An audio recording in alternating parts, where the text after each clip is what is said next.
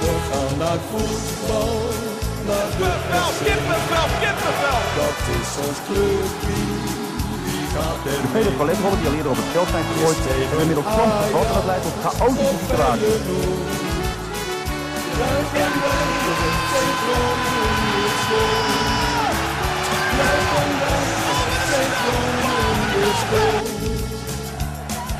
En dan is het eh, Jan van Dijk Conforminder de podcast, aflevering nummer 12. Mijn naam is Maarten Siepel. Tegenover mij heb ik zitten Thijs Faber. Hallo. En we hebben vandaag weer een gast. Het is de voorzitter van de supportersvereniging van eh, onze prachtige club, John de Jonge. John, welkom. Dankjewel. We hebben, beginnen altijd even met een openingsvraag om er even lekker in te komen.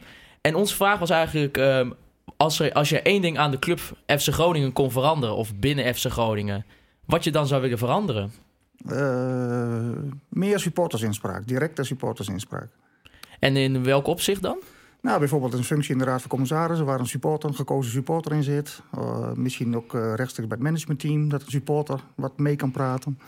Oh, die, in die vorm. We hebben eh, laatst Niels Hilboeze gehad en die stelde een 51-49 model voor. Als in Duitsland zou je daar ook voor zijn? Absoluut. Dat is ook eh, vorig jaar op de beleidsmiddag... Hè, is dat ook naar voren gekomen dat wij het liefste... eh, als er een investeerder komt, dat 51% bij de club blijft. Alright, ja, ik vind dat, dat wel interessant. eh, hoe mensen die ook echt een taak hebben binnen supporters en de club, zeg maar, hoe die daarover denken. Dus eh, we nemen hem weer mee. Ja, normaal gesproken beginnen we altijd met de nabeschouwing van de, de afgelopen wedstrijd. Maar ja, er wa- was gisteren toch even wat groter nieuws... wat denk ik meer aandacht verdient dan de geweldige overwinning op Heerenveen. En dat is het vertrek van Hans Nijland. Ja, onze algemeen directeur gaat na 23 jaar vertrekken bij onze club.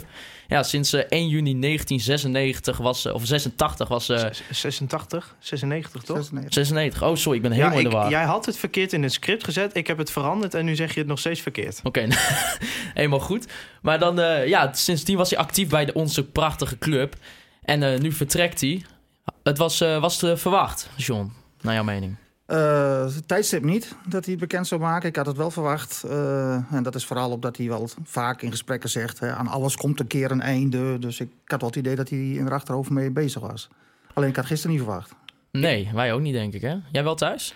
Nou, ik, ik, ik, ik dacht al wel een tijdje, en die signalen kreeg ik ook wel, dat dit het laatste seizoen Hans Nijland zou zijn. Of in ieder geval misschien het ene laatste seizoen, het laatste seizoen. Maar eh, nee, ik had niet verwacht dat hij het al zo vroeg zou aangeven. Eh, hij heeft zelf gezegd dat het niks te maken heeft met dat het nu iets beter gaat qua resultaten. Geloof ik zelf niet helemaal in. Maar eh, ja, het is bijzonder nieuws inderdaad. Het is voor ons, wij zijn nog redelijk jong, Maarten en ik. Wij, wij kennen niks anders dan Hans Nijland. Je hoort natuurlijk altijd de verhalen over Renze de Vries wel. Maar ja, dat zegt ons helemaal niks. En ja, het wordt, het wordt wel even wennen, denk ik. Ja, als we toch even naar een, paar, eh, naar een rijtje gaan kijken wat Hans allemaal mogelijk, bij, eh, mogelijk heeft gemaakt bij onze club. Ja, natuurlijk het eh, creëren van rust en stabiliteit binnen FC. Zowel op eh, financieel vlak eh, als natuurlijk op sportief vlak. Want ja, we werden eigenlijk van een soort van degradatiekandidaat naar een eh, vaste middenmotor. Met eh, ja, gewoon heel veel play-off, eh play-off spelen voor Europees voetbal. Nou ja, de laatste paar drie, eh, nou, drie tot vijf jaar denk Sinds ik. de eh, beker eigenlijk. ja, is het wat minder. Maar eh, ja, een- natuurlijk een gloednieuw stadion met onze Euroborg. En een nog recentelijk het topsport eh, zorgcentrum. Dus ja, wat die man eh, allemaal mogelijk heeft gemaakt bij onze club is natuurlijk wel heel bijzonder. Die man die verdient een standbeeld. Hè. Echt, eh, nou ja, inderdaad, jullie generatie die kent niet eens anders meer. Moet je nagaan. maar die, eh, hij heeft Groningen echt van een, nou, een clubje tot op sterven naar dood... Ja, tot gebracht wat het nu is. Hè, dus dat is geweldig. Dat is Het, het is eigenlijk niet te onderschatten eh, wat Hans Nijland allemaal betekend heeft. We moeten ook reëel zijn. eh, we moeten onszelf ook niet eh, hypocriet zijn hier. Eh, wij hebben hem regelmatig hier kritisch...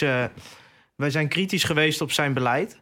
Maar wat altijd buiten kijf staat... is dat het wel een man met een enorm clubhart is. En daar ma- maakt hij ook fouten in. Dat breekt hem vaak op. Maar ja, het... het, het Kijk, ik vind het de juiste keuze dat er iemand anders komt.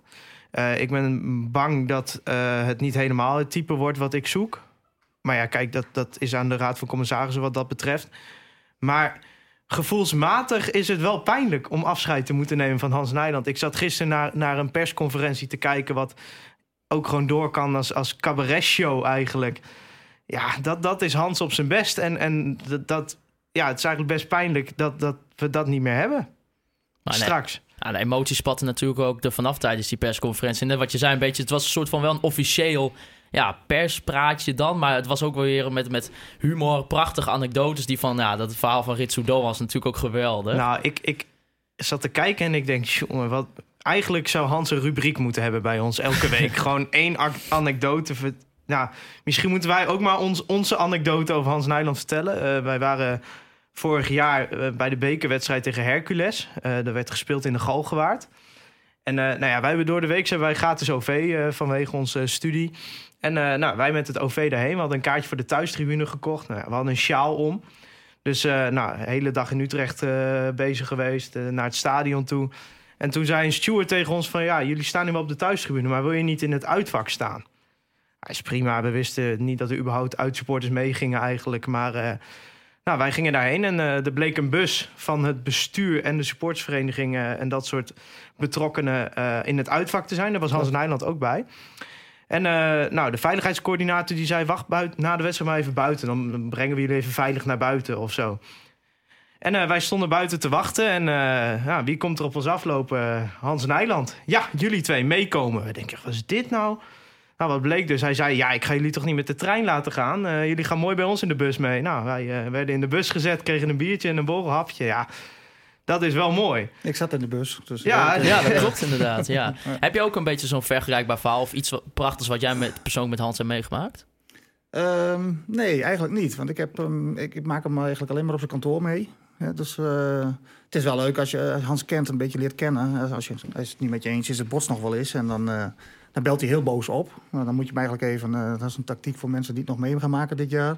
Laat hem maar even vijf minuten razen. Dan wordt hij langzamerhand wordt hij kalm. En dan kun je gewoon een heel constructief gesprek met hem voeren.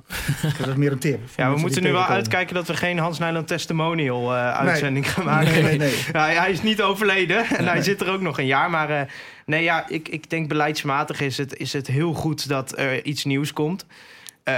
Iets nieuws kan eh, goed uitpakken. Eh, ik zet wel mijn twijfels bij of deze raad van commissarissen in staat is om eh, daar de juiste stap in te zetten. Het liefst zou ik een, een progressieve denker over voetbal.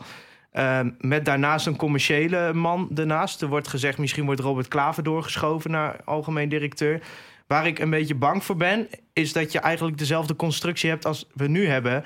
En dan kun je Hans Nijland er neerzetten of iemand anders met een commerciële achtergrond. Maar dan zit je met hetzelfde probleem. Dat er eigenlijk op directieniveau niemand is die echt over voetbalzaken gaat. Nee, daar ben ik met eens. Ik, ik denk dat sowieso eh, een tweehoofdige opleiding, of tweehoofdige opleiding, leiding. Ik, ben daar niet zo'n heel groot voorstander van. Ik heb liever één iemand met een aantal mensen eronder die verschillende takken eh, be- beheersen. Ja, ik weet het niet. Eh, ik weet ook niet of er een vacature komt of dat de Raad van Commissarissen mensen gaat eh, benaderen. Dat is ook nog eh, ongewis natuurlijk. Nou ja, ik, ik, ik ben bang dat er voor de veilige optie gekozen wordt. Terwijl ik wel met het veranderen, de veranderende voetbalwereld en 23 jaar lang dezelfde directeur wel eens zou willen zien durven is wat. Ja. En durven, iets anders is niet per se altijd beter hoor, maar eh, we hebben toch al voorbeelden gezien bij PSV, bij AZ, dat een, een, een, iemand die anders denkt dan zeg maar de klassieke voetbaldirecteur, of misschien wel de, de klassieke ondernemer, zoals Hans zichzelf noemt, eh, ja, iets anders kiezen is niet altijd fout. Ah, wat ik denk ook wel een positieve ontwikkeling is, misschien is dat hij zelf ook aangaf in de persconferentie gisteren dat hij niet een stem hoeft te hebben in, eh, in zijn opvolger en dat hij gewoon compleet de RVC vertrouwt. Want ja, Riemer van der Velde die had wel opgeroepen van Hans, die moet een, een stem daarin. Ja, ik was al Nou. vergeten dat Riemer nog leefde eigenlijk. Maar nee. Eh, ja, ik, ik, ik, ja ik, ik geloof niet dat Nijland er echt niks over gaat zeggen. Eh, ik, ik denk dat Nijland zich stiekem best wel een beetje zorgen maakt over de opvolger. En ja, natuurlijk maakt Nijland zich zorgen over de club. Dat heb je in eh, interviews de afgelopen maanden ook wel gemerkt. Dus nee, dat is, wij zijn op het juiste moment een podcast begonnen wat dat betreft. Want het, het zijn razend interessante weken wat dat betreft. Ah, wat, wat ook wel prachtig was, denk ik, was dat Hans ook eindelijk een keer een beetje zelfkritisch was misschien. Hè? Dat hij zei van ja, het is misschien wel een keer tijd voor iemand met nieuwe ideeën, eh, andere kwaliteiten en andere inzichten. En ja, in ieder, geval wel iemand die gewoon vol met de ambities en een, eh, een frisse moed eh, zit. En ik denk dat dat was ook wel een keer leuk om te zien. Want we hebben toch ook wel gezien dat hij toch alleen maar strijdbaar was en eigenlijk alleen maar zichzelf verdedigde. En nu ook een keer een andere kant liet zien. Ja, nog even terug naar wat, wat een opvolging. Je hebt, eh, als je naar twee anderen kijkt die er jaren hebben gezeten, kan er twee kanten op. Hè. Je hebt uh, Riemer ging weg. Nou, het is voor mij nu nog chaos bij Heerenveen sinds hij weg is. Ja, dat is niet heel uh, succesvol. Eh, maar Jan Smit ging weg bij Heracles en daar loopt het nu wel goed. Ja. Hè. Daar zit Vladeres en uh, ik weet niet wie er nog meer zit. Hè. Maar dat, uh, dat is wel een rust. Nou ja, dat is het allerbelangrijkste dat we dat krijgen. En ik zag wel Nederland gisteren, dat, dat viel me op. Het was een man volgens mij die je zag waar een last van de schouders afgevallen is. Hij ja. was ontspannen Hij na was afloop. ontwapend ja. helemaal. Ja. Ja. dat idee had ik wel. Nou ja, hij gaf ook zelf aan, hè, van het, het vreet gewoon uh, zeven dagen in de week, 24 uur per dag uh, je energie. En dat, ja, dat, Ja. dat bleek ook in alles natuurlijk wat hij bij de club deed. Ja. Dus in dat opzicht is het natuurlijk uh, niet zo heel gek dat voor hem uh, een hele grote druk wegvalt.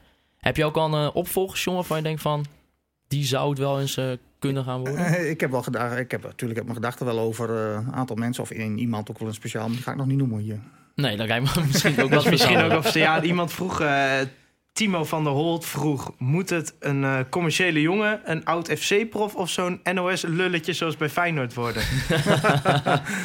nou, een commerciële, maar ja, natuurlijk iemand met zakelijk inzicht vind ik nooit, dat hoeft niet verkeerd te zijn. Uh, of het specifiek een technisch iemand is, ben ik ook nog niet, of uit de sport, hè, daar ben ik ook nog niet zo over uit of dat moet. Hè. Wel zo iemand in de organisatie, daar ben, daar ben ik wel van voorstander van. Maar het moet voor mij vooral iemand zijn die een Groningen hart heeft. Hè, die dus die passie wel heeft voor de club. Want nou, wat je net ook zegt, het vergt zoveel energie. En als jij dan niet die passie voor de club hebt... dan denk ik dat je dat niet vol gaat houden. Of toch op een andere manier gaat doen. Nou ja, het, het, is voor mij natuurlijk heel makkelijk zeggen... er moet iemand met voetbalverstand komen. Maar je moet ook niet vergeten...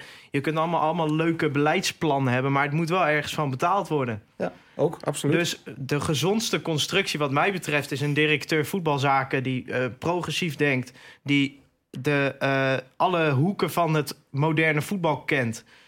Uh, en daarnaast iemand die ook daar financieel draagvlak, die een bedrijf rustig kan leiden. En ik vind inderdaad een hart voor de club ook niet onbelangrijk. Ik vind hem heel belangrijk, ja, ja. absoluut. Ja. Dus, maar ja, kijk, ik snap wel, ik kreeg gisteren op Twitter uh, de vraag van wie zou dat dan moeten zijn. Maar ik, ik vind dat heel moeilijk om daar een naam op te plakken. Ook omdat ik uh, in de wereld van beleidsmakers, ik, kijk, als iemand zegt welke speler zou je graag bij Groningen willen, dan heb ik er wel tien klaarstaan. Maar als iemand tegen mij zegt, ja, welke beleidsmaker zou je nou willen hebben, dan. Uh, ja, want Geen idee. de namen van uh, Nefran tot Robben zag ik al overal verschijnen. Uh... Ja, maar dat, dat zijn onderbuikopties, ja. noem ik die. En uh, ja, ik kan, ik kan hier heel stoer gaan lopen doen over dit moet gebeuren en dat moet gebeuren. Maar ja, ik moet ook reëel zijn. Ik, ik zou niet weten wie er zou moeten komen. Dus uh, nou ja, gelukkig is dat mijn taak ook niet. Dus ik, ik ben hier om, dat, om de keuzes af te kraken, zeg maar. Uh, dat is mijn taak. Ja, een vraag die we kregen ook van Jeroen Roer. Die vroeg ook eigenlijk van ja, met het vertrek van Hans Nijland... of uh, ja, het draagvlak van onze technisch directeur Ron Jansen ook compleet wegvalt. Denk je dat ook thuis? Technisch manager moeten we zeggen, want het is geen directeur. Het is, heeft geen directiefunctie. Uh, nou ja, kijk, als het draagvlak van Ronjas alleen afhankelijk was van Hans Nijland... dan was hij er al niet meer geweest, hoor. Als Hans Nijland de enige was die nog achter Ron Jans stond. Dus uh, nee, ik heb niet het gevoel uh, dat Ron Jans moet vrezen voor zijn baan... omdat Nijland opstapt, of opstapt, vertrekt. Uh, ja, in januari gaat Ron Jans aangeven wat zijn toekomst is bij de club. En nou ja, ik, ik weet het niet eigenlijk. Ik denk dat het ook een beetje afhankelijk van de komende vijf wedstrijden is misschien wel. Ja, zeker met de transferwindow uh, die er uh, aan verbonden zit. Het zijn uh, interessante weken, ja, maanden. Zeker. Ja, we gaan het zien hoe het gaat aflopen. Dan weer gaan we toch... ja, Thijs, jij wil eerst nog even een rectificatie doen, zie ik er ook. Ja, je ik, hebt iets ik vorige heb... week gezegd. Ja, zo'n spraakwaterval als zo'n aflevering van een podcast is... daar gaat ook wel eens wat in mis. En ik heb vorige week onrechtmatig gebruik gemaakt van het woord vingerspitsengevoel. En wat had, je, wat had jij gezegd dan? Oh, dat weet ik al niet meer. Maar ik werd erop gewezen door een goede vriend van mij uh, dat, dat dat niet goed was. Dus uh, ja, bij deze, ik bedoelde dat niet. En wat, wat is dan wel? Wat, dat is voor de mensen thuis uh, die dan... Vingerspitsengevoel is een goed ontwikkeld gevoel of vaardigheid... om een delicate situatie juist in te schatten en erop te treden. Nou, gelukkig heb je, heb je dat ook weer even goed is gemaakt. Is dat uit de lucht. En laten we dan alsjeblieft ook heel graag even terug aan de afgelopen zondag. SC Heerenveen. Heerlijk. 2-0 overwinning. Geweldige goals van Django Warmer dan en Ritsu Doan. Twee keer de assist van Mimou Mahi. Maar laten we het eerst even over die prachtige sfeeractie hebben die uh, voor de wedstrijd uh, kwam. Ja, dat was fenomenaal. Ja, alles klopte daarin. Ja, op een gegeven moment het allermooiste. En dan zie je dat op een gegeven moment de trein die gaat het station Groningen in. En de zon breekt door. Dus zelfs God is een Groningen. ja, ja dat... bizar is dat. Want hij heeft er ook heel veel uh, werk in gezeten. Dat weet jij ook wel. Ja, ik, eh, ik mag nooit kijken van ze en ik hoor ook nooit wat en dat is ook terecht. Maar ik, eh, in juli heb ik toevallig een stukje van deze, eh, maken van deze sfeeractie gezien. Nou, als je dus ziet dat ze in juli al bezig zijn geweest en dat ze daar een heel weekend toen met, nou, ik denk een man of 10, 12 bezig zijn geweest. Zaterdag hebben ze nog zes uur geoefend in het stadion. Nou, en er kan zoveel misgaan. Dus, dat is zo, zo perfect. Dit was echt een sfeeractie 2.0 wat mij betreft. Die, die is niet overtroffen. Hij eh, werd op het internet ook veel gedeeld, zag ik.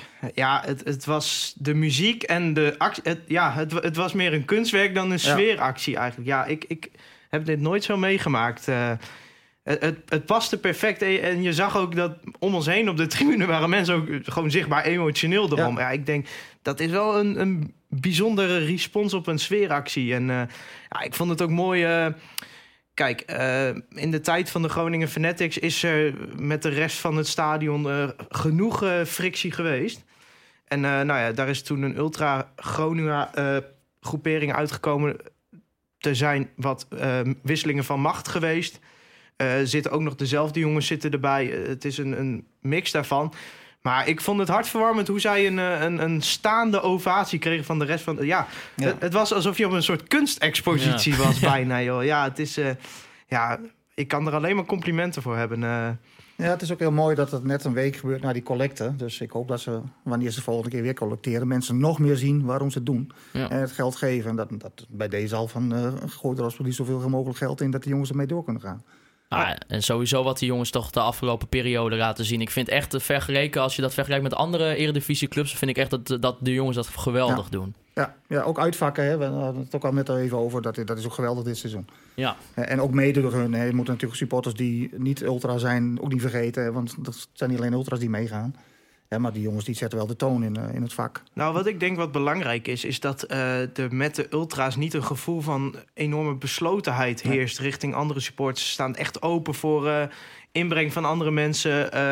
Als jij bij de ultra's wil staan, dan kun je bij de ultra's gaan staan, ook al kennen ze jou niet, zeg maar. En ja, ik denk dat op die manier dat dat ook beter is dan nou ja, wat het was, zeg maar. Ja. Ik denk dat het heel goed is geweest hoe zij terug zijn gegaan naar de basis van sfeer maken.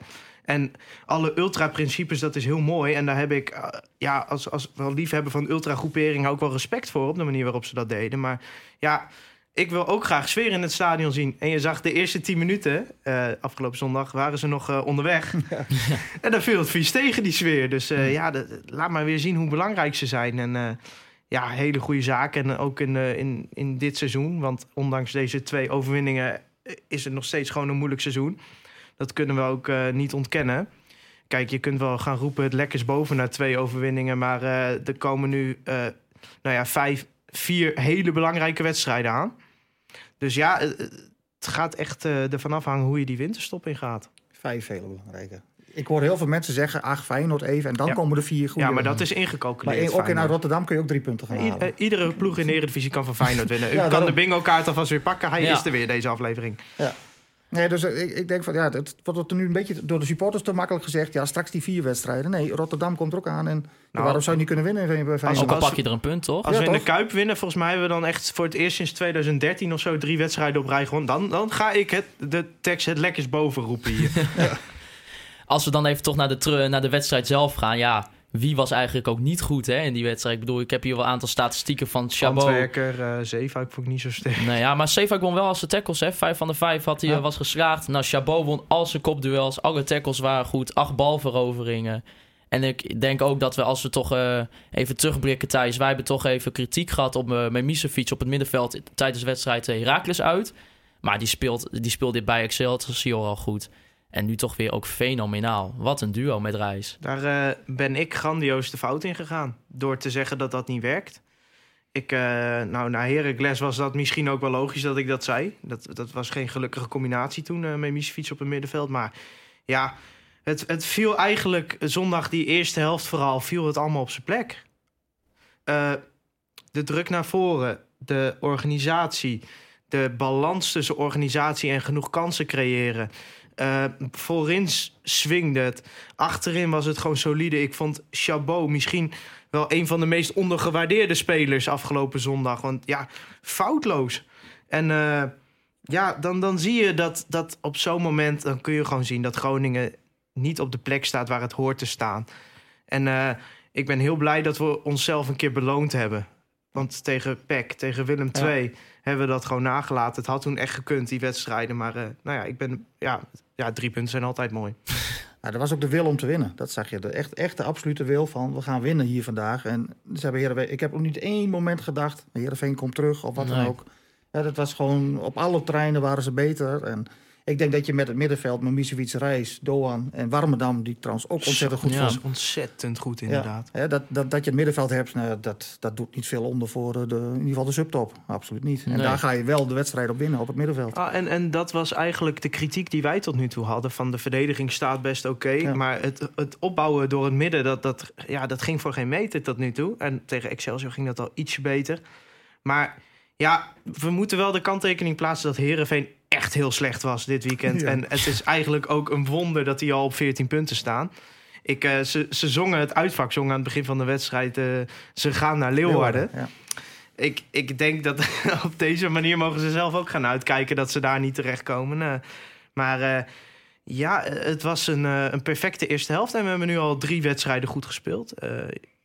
Je hoorde de kritiek wel. De tweede helft was stukken minder. Ja, dat was ook Ja. gewoon een afschuwelijke tweede helft. Maar ja, mensen moeten wel eh, beseffen, we zijn niet Ajax die nog even de tweede helft denkt, nou, daar gaan we er nu helemaal overheen. Kijk, stel, Herenveen maakt hem op de omschakeling omdat jij te aanvallend speelt. Ja, Dan, eh, dan sluipt die angst weer in dat elftal, waar Buis al zo vaak voor gewaarschuwd heeft. Dus eh, nee, prima. 2-0, drie punten, nul gehouden. Nou, en het was ook mooi dat de ideeën van Buis ook echt erdoor kwamen. Hè? Dat druk zetten op de achterhoede van eh Herenveen. Dat inderdaad door het midden spelen, wat geweldig ging via Memisevic. Ja, het, het is eindelijk een keer echt leuk om naar te zien. En ik ben ook dus heel erg benieuwd wat we dan kunnen laten zien tegen bijvoorbeeld de Feyenoord. En ook in de komende vier wedstrijden nog. Want ja, stel voor als je daar gewoon een behoorlijk aantal punten had, dan sta je er heel anders voor hè, in de winterstop. Ik bedoel, eh, kijk naar de ra- huidige ranglijst. Ik bedoel, het verschil tussen de nummer 16 en de nummer 10 is letterlijk maar eh, drie puntjes. Ja. Het is allemaal heel dicht bij elkaar. Nou, eh, gaan we, we gaan zien hoe het, hoe het dan gaat lopen. Als we dan toch nog even naar de individuele spelers gaan kijken. Ja, wisten jullie dat Django Warme dan ook kon koppen dan? Nee, nee, ik weet ook niet of hij hem heel bewust zo op die manier raakte. Dat, dat moet dan ook nog. Als hij het nog dat duizend keer doet, gaat het eh, één keer goed, denk ik. Ja, Hij is wel een van de spelers die het meeste kilometers maakt in de Eredivisie, heb ik begrepen van de statistieken. En ja, dat wil dat niet altijd wat zeggen, je moet ook slim lopen. Maar die jongen heeft echt longen als een paard. En wat ik ook nog wel moet zeggen, het is ook een topgozer. Hè, want ik hoor ook wel eens kritiek om me heen op hem, hè, dat hij niet brengt zoals bij Zwolle. Maar wij hadden een jongetje in het uh, supportershome wat ziek was. En hij kwam er naartoe en hij is na afloop nog speciaal naar de kleedkamer gegaan, teruggegaan, zijn shirt gebracht. Dus ook dat, hè, dat moet je ook niet vergeten. Dat zijn spelers rekenen wel vaak af op eh, het gedrag in het, in het veld. Maar de buiten is het ook, eh, was het ook allemaal top gisteren. En Django mag er ook een groot compliment voor hebben wat hij gisteren deed. Maar Thijs, hij wordt toch ook nu gewoon op zijn beste positie gebruikt, denk ik. ja ik, ik vind dat wel knap dat, dat Buis dat gezien heeft. Hij heeft, eh, toen ik hem interviewde na, na Heracles was dat, heeft hij echt... eh, nou, die laptop van Buis, daar zou ik heel veel geld voor over hebben... om daar eh, eens even een avondje op rond te, te kijken. Want die, ja, die heeft enorme mappen vol met beelden van alle spelers... waarmee die gewoon, ja, sp- vooral spelers, maar ook de pers gewoon kan laten zien... van dit is wat ik bedoel. Eh, we hebben het al eerder gehad vorige week over bijvoorbeeld Van der Looy... die vaak terugdraait naar de, naar de verdediging in zijn aannames. Ja, Warmerdam is een speler die vooruitdenkt... en het ziet er soms wat onbehouden uit. En je moet ook niet verwachten dat hij de topscorer gaat worden... Maar ja, het is voor Groningen gewoon een ontzettend bruikbare speler. En eh, nou, je zag dat hij met zijn diepgang... Nou, die rechtsback van Heerenveen had sowieso een verschrikkelijke wedstrijd, hoor. Maar eh, ja, Ja. die heeft het ze aardig mo- moeilijk gemaakt. Hij was eh, volgens de, de expected goals... uitwerking, die ik zag op Twitter voorbij komen... is hij de speler die eh, de meeste kansen gecreëerd heeft... of de meeste potentiële goals gecreëerd heeft afgelopen zondag. Ja, dat is best knap als je ziet hoe hij begon aan dit seizoen. Maar dat was hiervoor ook al. Hè. Dat is, hij, is- hij is wel maar degene die sowieso meestal bij Groningen in scoringspositie kwam. Volgens mij de wedstrijd tegen Zwolle. Ja, Volgens twee keer Had hij twee, Ja. drie keer een megakans. Hij maakt ze dan niet af. Maar hij komt wel in de positie. Dus als hij ze ook nog gaat maken, ja, dan... eh, Ja, nou ja, in de, hij had volgens mij na, na 10 minuten eh, had hij al een enorme kans. Ja, wij zagen het niet zo goed, maar ik heb de wedstrijd teruggekeken. Ja, dat zijn van die momentjes dat daar, daar dat is het verschil tussen een verschrikkelijk goede speler en een bruikbare speler. Ja. Zeg maar dat je dan de verkeerde keuze maakt op zo'n moment. hij schrok volgens mij, want Haan liep al richting Mahi. En Ja, maar ik heb sowieso bij hem vaak het gevoel als hij in de bal is dat hij wel eens schrikt van de Ja. situatie Ja, ja, waar hij in is. Ja. Ah, en die goal van Ritsu Doan ook, ja, ik, ik vind het niet normaal hoe goed die jongen blijft spelen. Toch elke keer weer. Ja, dat was een feestje om te kijken. Wij keken ook aan toen die bal de, erin vloog. Wat, wat geweldig, hè? Ongeloof, ja. Ja, wereldklasse. Een wereldklasse, durf je dat al te zeggen? Ja, nee, nee, die goal. De goal, hè, ja. de goal. Nee, ja. Ik eh, stel voor dat we hem rond december na de wedstrijd tegen Fortuna ergens in een kofferbak stoppen en hem er eh, 1 januari weer uithalen. Ja, want er, was, eh, er zijn ook twee kijkersvragen of luisteraarsvragen over binnengekomen. Van, eh, over eh, Doan natuurlijk, na zijn geweldige goal weer. Van ja, wat moeten we ermee gaan doen in de winterstop? Eh, wat is er niet te weigeren bedrag wat er kan voor, of, wat voor Doan kan komen? Ja, wat, wat moet hij opleveren, John? Ja, dat is een hele lastige. Ik, ik, ik- nou, 8 miljoen is natuurlijk geboden al. Dus daar zal hij zeker boven zitten. Want dat was de laatste dag, eh, of een dag voor het, eh, het sluiten van de transfermarkt vanuit CSK Moskou. Ja, als je nou ziet welke clubs die ik lui hoor dan naar naartoe gaan, ja, of naar, hè, die voor hem komen, ja, dan, dan moet je ver boven de 10 miljoen zitten, toch volgens mij. En of dat te weigeren is, ja, ik denk op een gegeven moment kun je, kun je niet anders dan toezeggen.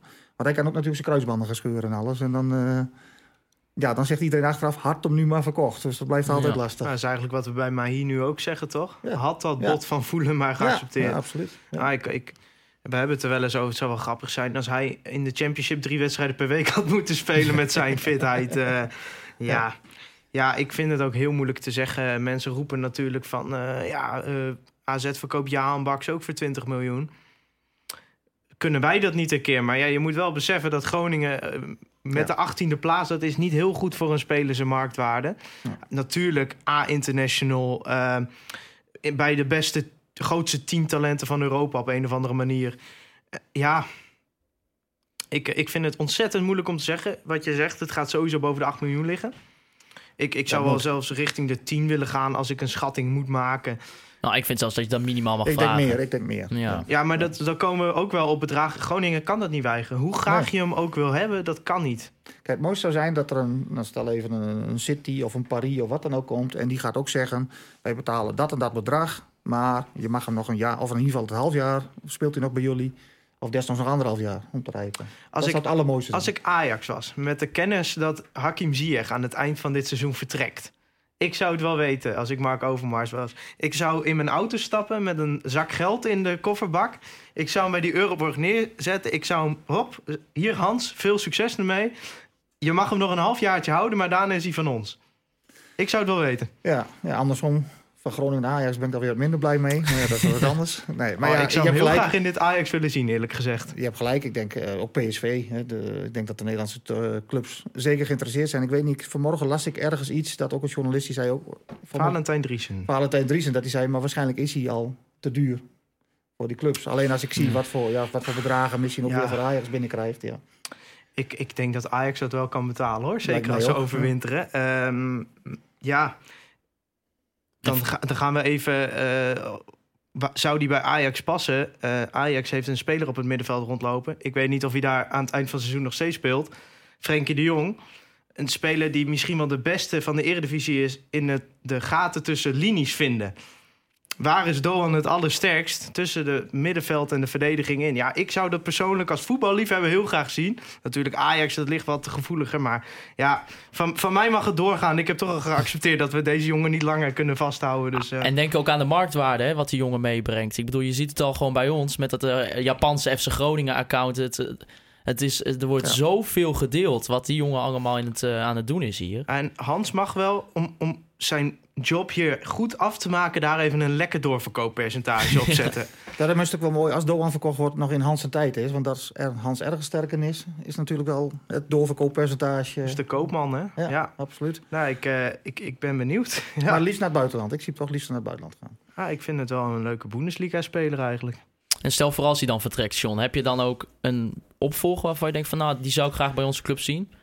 Oeh, dat vind, ik, dat vind ik heel lastig. Nee, niet, niet een type Doan, want die, die vind je volgens mij niet. Nee. Nee, tenminste, betaalbaar niet. En, dat, eh, dat, en dat, ik van de scouting buitenland weet ik ook niks. We hebben natuurlijk bij de supportersvereniging wel één jongen die, hè, die altijd de Japanse markt volgt. Gerard Postema. Ja, en die heeft eh, een aantal namen wel eens weer eh, gegeven. Dus wie weet zit daar wat tussen. Hij kreeg er deze week ook eentje in mijn, in mijn, in mijn DM's. eh, inderdaad, die Japanse naam. Ik heb ook gezien, ik zat vandaag even te, te googlen op Ritsu. Of Leeds moet ik zeggen. Eh, Ritsu zeggen wij omdat hij anders niet in onze chant past. Mhm. Ritsu Dohan baby, Ritsu Dohan oh, oh. Ik heb hem niet gehoord vorige week. Eh, vorige week zondag bedoel ik. Maar eh, to the point. Leeds Dohan heeft een broer. Die ook voetbalt? Hij heet Yu Dohan. Judo. Hij speelt op het derde niveau van Japan als controlerende middenvelder. Maar hij heeft in tien wedstrijden al zes goals gemaakt. Oké. Dus jij zegt dat wij moeten halen gewoon. Doen, hè? Ja, ja. Ik eh, ben geen scout, maar eh, ik zeg eh Yu Dohan, eh, doe het maar. Doe maar, die kan, die kan weer even aan het lijstje worden toegevoegd. Een andere luistervraag die we kregen kwam eh, van Jorin, vriend van de show, Vitessenaar. En eh, ja, die vroeg, ja, er zit slechts vier punten tussen FC Groningen en eh SC Heerenveen, die eh, op de negende plek op de ranglijst staan. Ja, is play-offs dan voor Europees voetbal nog mogelijk? Nee. Ja, dacht, ja, ik hoorde Stefan Brekero, die gaf ook al aan eh, dat dat niet haalbaar is, maar eh, jij verwacht het ook niet thuis? Nee, tuurlijk niet.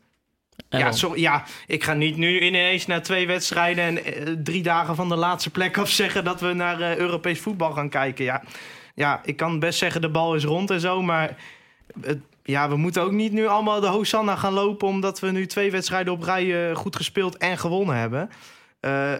Er komen nu gewoon vijf belangrijke wedstrijden. Laten we er maar vijf van maken dan. Ja, waar je er eigenlijk wel gewoon drie van moet winnen, vind ik. Ja, en als je nu ook geen punten meer haalt, dan ga je nog steeds met, eh, met eh, hoeveel hebben we er nu? 13? 10?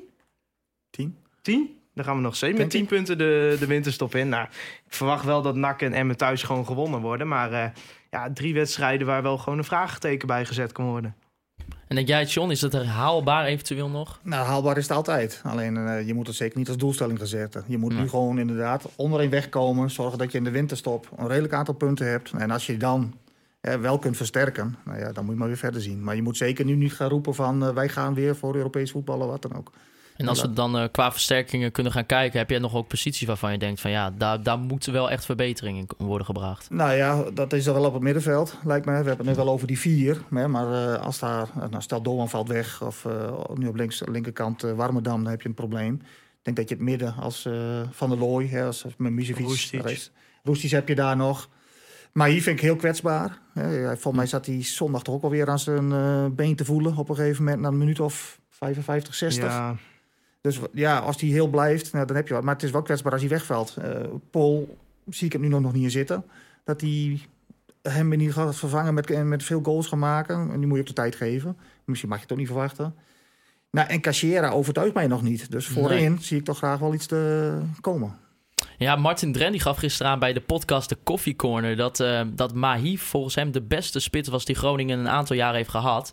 En nu ja, is dat, kan dat kwalitatief misschien wel, maar in de- wat je zegt, hij is zo kwetsbaar Ja. als het om uh, blessuregevoeligheid hij gaat. heeft eh, de helft van de minuten die hij had kunnen spelen gespeeld sinds Ja. hij hier gekomen is. Ja, dat is gewoon te, schandalig weinig. Maar ja wat, ja, wat doe je er ook tegen? Ja, en stel voor wel, stel voor hij wordt wel verkocht, ja, dan, dan heb je wel ook een groot probleem. Want wat eh, John zegt, ja, Cachera overtuigt en We, eigenlijk nog we steeds niet. vergeten nu een kanttekening te plaatsen dat maar hier zijn contract aan het eind van het seizoen verloopt. Ook, ja. Dus afloopt, moet, eigenlijk ik wel. zeggen. Ja. Dus eigenlijk, als je er nog wat voor wil vangen, moet hij deze winter weg. Nou ja, ik zie hem eigenlijk liever gratis vertrekken. En dat hij in ieder geval nog een half jaar belangrijk kan zijn. dan dat we er eh, een miljoentje voor vangen. En eh, ja, want we moeten wel eerlijk zijn. We zijn eh, op aanvallend gebied wel heel afhankelijk van hem. Absoluut. Want, want ja. Van Pol en Cachera, de, ja, nou ja, dat hebben de, de, de eerste tien wedstrijden zijn daar een groot bewijs van.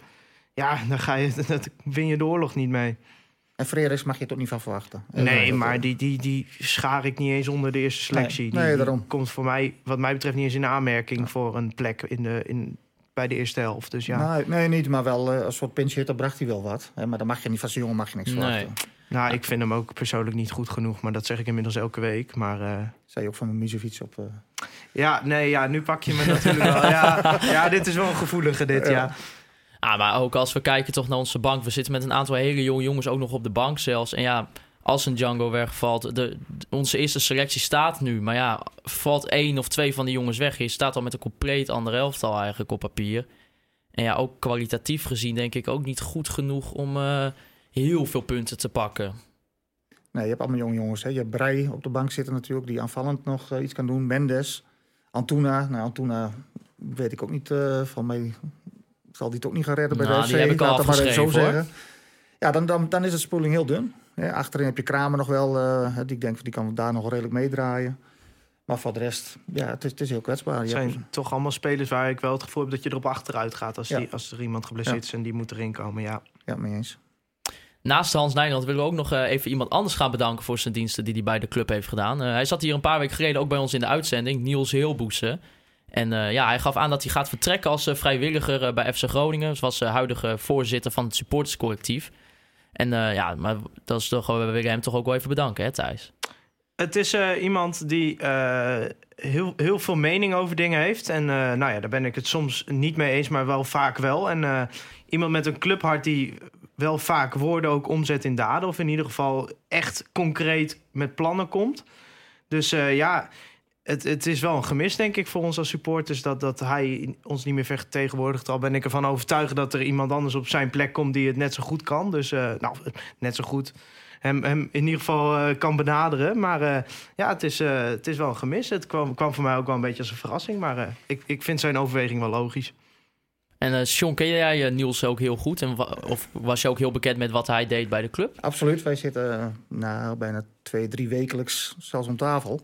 Met, uh, met nog met meerdere, met alle supportersgeledingen uh, tegenwoordig. Nee, Niels, uh, ik snap dat hij het heel druk heeft. Want ik wou gisteren heb ik hem nog gebeld om hem nou ja, nog even erover te hebben. En hem inderdaad persoonlijk te bedanken. Maar toen was hij dus uh, druk snoep aan het uitdelen voor Sint Maarten. en hij zou me daarna terugbellen. Dat, uh, daar had hij alweer geen tijd voor. Dus nou ja, is het wel logisch, denk ik, de stap die hij neemt. Maar hij, hij heeft inderdaad hele goede ideeën. Hij is altijd zo betrokken bij de club. Misschien dat hij daarom ook moet stoppen dat, dat hij wat te betrokken is geweest. Hè? Want zijn privé en alles kun je ook vergeten als je te veel met zo'n club bezig bent. Hij is natuurlijk zijn eigen bedrijfje begonnen. Dus ja, nee, Niel, alle credits voor Niels. En uh, hij zal ook zeker, hij stopt wel, maar hij zal zijn mening nog wel geven hoor. Dus daar ben ik niet bang voor. dat denk nee, ik, ook niet. niet. Er was er ook nog een vraag richt, uh, richting jou, John, die wij binnenkregen via Twitter. En dat was een vraag of er ook iets gedaan kan worden aan de drukte bij de catering. Ja, wij, uh, Thijs en ik, ik denk dat iedereen uh, die in het stadion zit er wel bekend mee is. Maar ja, is dat... Sowieso is dat... zouden wij een hele podcast over de catering kunnen maken. jongen, jongen. Want Thijs, ligt dat eens even uit. Wat, uh... Nou ja, de, het aanbod is redelijk beperkt. En, en wat je kan krijgen vind ik nou ook niet van kwaliteit... dat ik denk, nou daar ga ik wekelijks 4, 5 euro voor neerleggen. Uh, het duurt inderdaad vrij lang. Ik, uh, ik was laatst bij, bij Bayer Leverkusen. Uh, ja, die hebben dat zoveel beter voor elkaar dan wij. Maar als ik bijvoorbeeld bij een, een Twente of Heracles... die hebben dat ook al beter voor elkaar dan wij. Dan denk ik, ja, je bent toch wel, hoe je het went of keert... een van de ja, toch wel grotere clubs in Nederland... qua, qua achterbank, qua draagvlak. Dan is dat toch een klein dingetje wat wel gewoon te doen moet zijn. En het is ook niet iets van de afgelopen jaren. Ja, nee, dat klopt. Uh, het is wel grappig dat je het zegt. Uh, je hebt vorig jaar heb je zo'n fan, uh, ieder jaar heb je zo'n fanonderzoek hè, van uh, waarin de catering op beoordeeld wordt, de veiligheid, weet ik veel allemaal niet, dat soort dingen. We hebben dit jaar ook het rapport niet kunnen zien als supportersvereniging, wat ik erg jammer vind, want dan kun je natuurlijk de club ook ondersteunen. Wat daar de reden van is, weet ik nog steeds niet.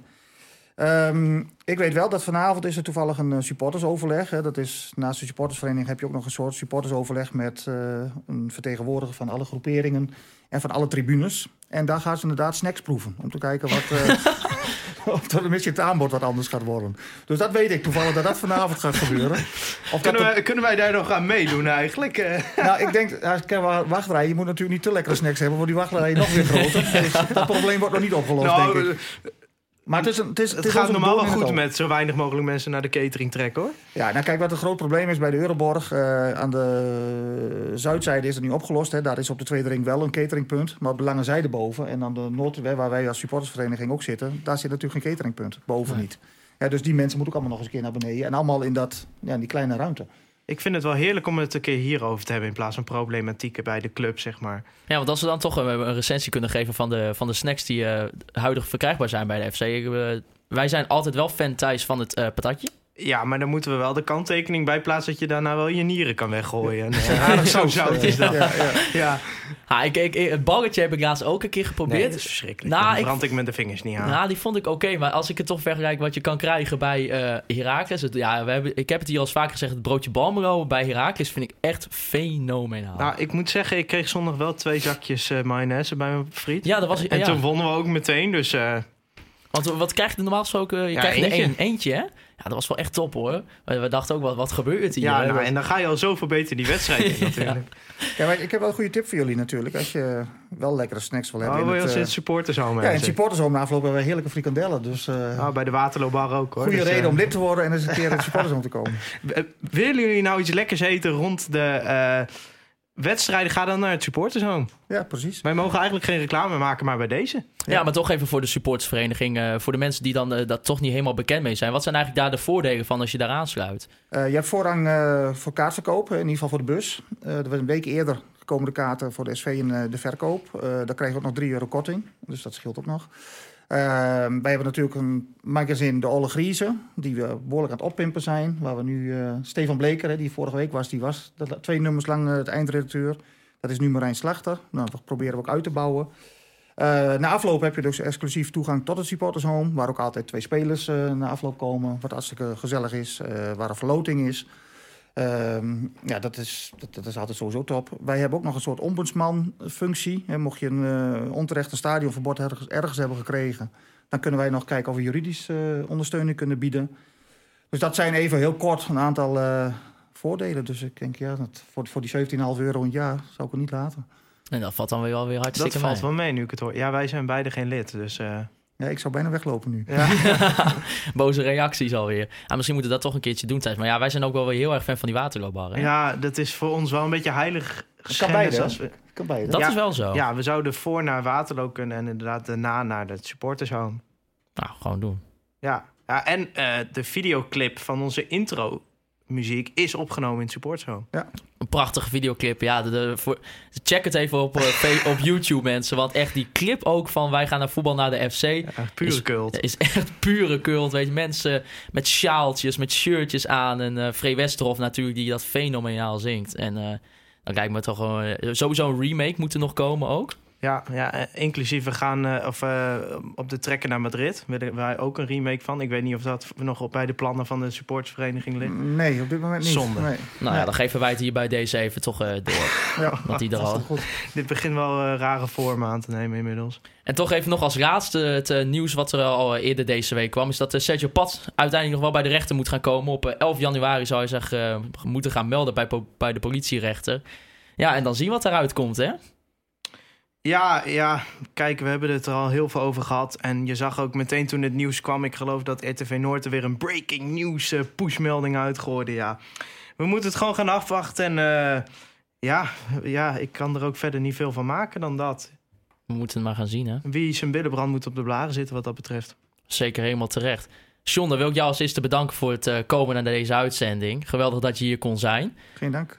Omroep Oog natuurlijk voor de faciliteiten die wij wekelijks kunnen gebruiken. En eh, ja, Free Westerhof natuurlijk voor de prachtige muziek bij aan het begin en het eind van deze podcast. We hebben hem nog niet gehoord tijdens, eh, tijdens Heerenveen. Dat vonden we jammer. Nee, wij, wij, ik hoorde wel in het stadion een aantal andere club, clubliederen Ja. zeg maar, voorbij komen. En dan denk ik, waarom niet? We gaan naar voetbal naar de FC. Misschien omdat op een gegeven moment wordt er gezegd... Ron Jans is van ons land de allerbeste in, in het nummer. Misschien dat ze dat niet willen uitstralen. Nee, maar daarom moet dus ook die remake komen. Ja, wij staan ervoor open. En dan eh, willen we nog even een kleine korte oproep doen. Voor de mensen die luisteren via iTunes of eh, Apple producten. Zou het eh, hartstikke leuk zijn als, je als je een review achterlaat. Eh, Een aantal mensen zijn nu al voorgegaan. Dat eh, is toch altijd weer even leuk om te lezen. Voor ons ook. Ja, en het liefst vijf sterren natuurlijk. Maar ja, Ja, ik kan nou ook ja. wel begrijpen als je wat minder eh, geeft. En drie sterren is ook prima. Het moet eh, natuurlijk wel een beetje geloofwaardig zijn. En voor de mensen die, eh, die actief zijn op Twitter... kun je ons ook altijd volgen op uh, podcast of @kvm de pot. KVM de pot. En natuurlijk ons persoonlijke code Thijs-Faber en Maarten-Siepel. En dan toch eh, als laatste wil ik eh, nog wel even Hans bedanken. Voor al zijn werk wat hij bij de club heeft gedaan. 23 jaar lang. Ja, een legende voor de club. Verdient ook volgens mij eh, naar onze mening allemaal een, een standbeeld. En ja, vaak kritiek gekregen. Ook richting ons. Wat, ja, Richting ons, van ons. van ons bedoel ik. En wat soms denk ik ook wel nou ja, terecht was naar onze mening. Maar wat die man toch verder voor de club heeft betekend, is geweldig. Maar mag ik nog één dingetje? Ik weet niet hoeveel tijd we hebben. Heel kort Ja. Altijd. Ik zit ook bij het. eh, ik heb veel contact met het landelijk supportercollectief. Hè. Dat zijn alle supportersgroeperingen, eh, of alle, bijna alle, in Nederland. En dan zie je ook, wij hebben wel eens commentaar op Hans dat hij eh, de supporters niet betrekt. Maar juist dan zie je dat Hans een van de weinigen is die dat juist wel doet. Ja. Heel veel supportersgroeperingen horen nooit van de plannen bijvoorbeeld over de comp nieuwe competitieindeling, het kunstgras. Hans die betrekt ons daar echt bij. En dat is toch ook wel uh, soms een verkeerd beeld wat wij misschien wel van hem hebben. Ja, dat is meestal omdat wij de communicatie wat onhandig vinden. Maar voor de rest, ja. Daar ben ik mee eens. Qua persoonlijkheid is Hans uh, een, een, hele goede directeur van Groningen geweest. En dat gaat hij het laatste jaar hopelijk ook op een mooie manier eindigen. Allermooiste ze zijn op de grote markt. Maar dat zie ik eigenlijk. er moet wel heel veel gebeuren deze winter.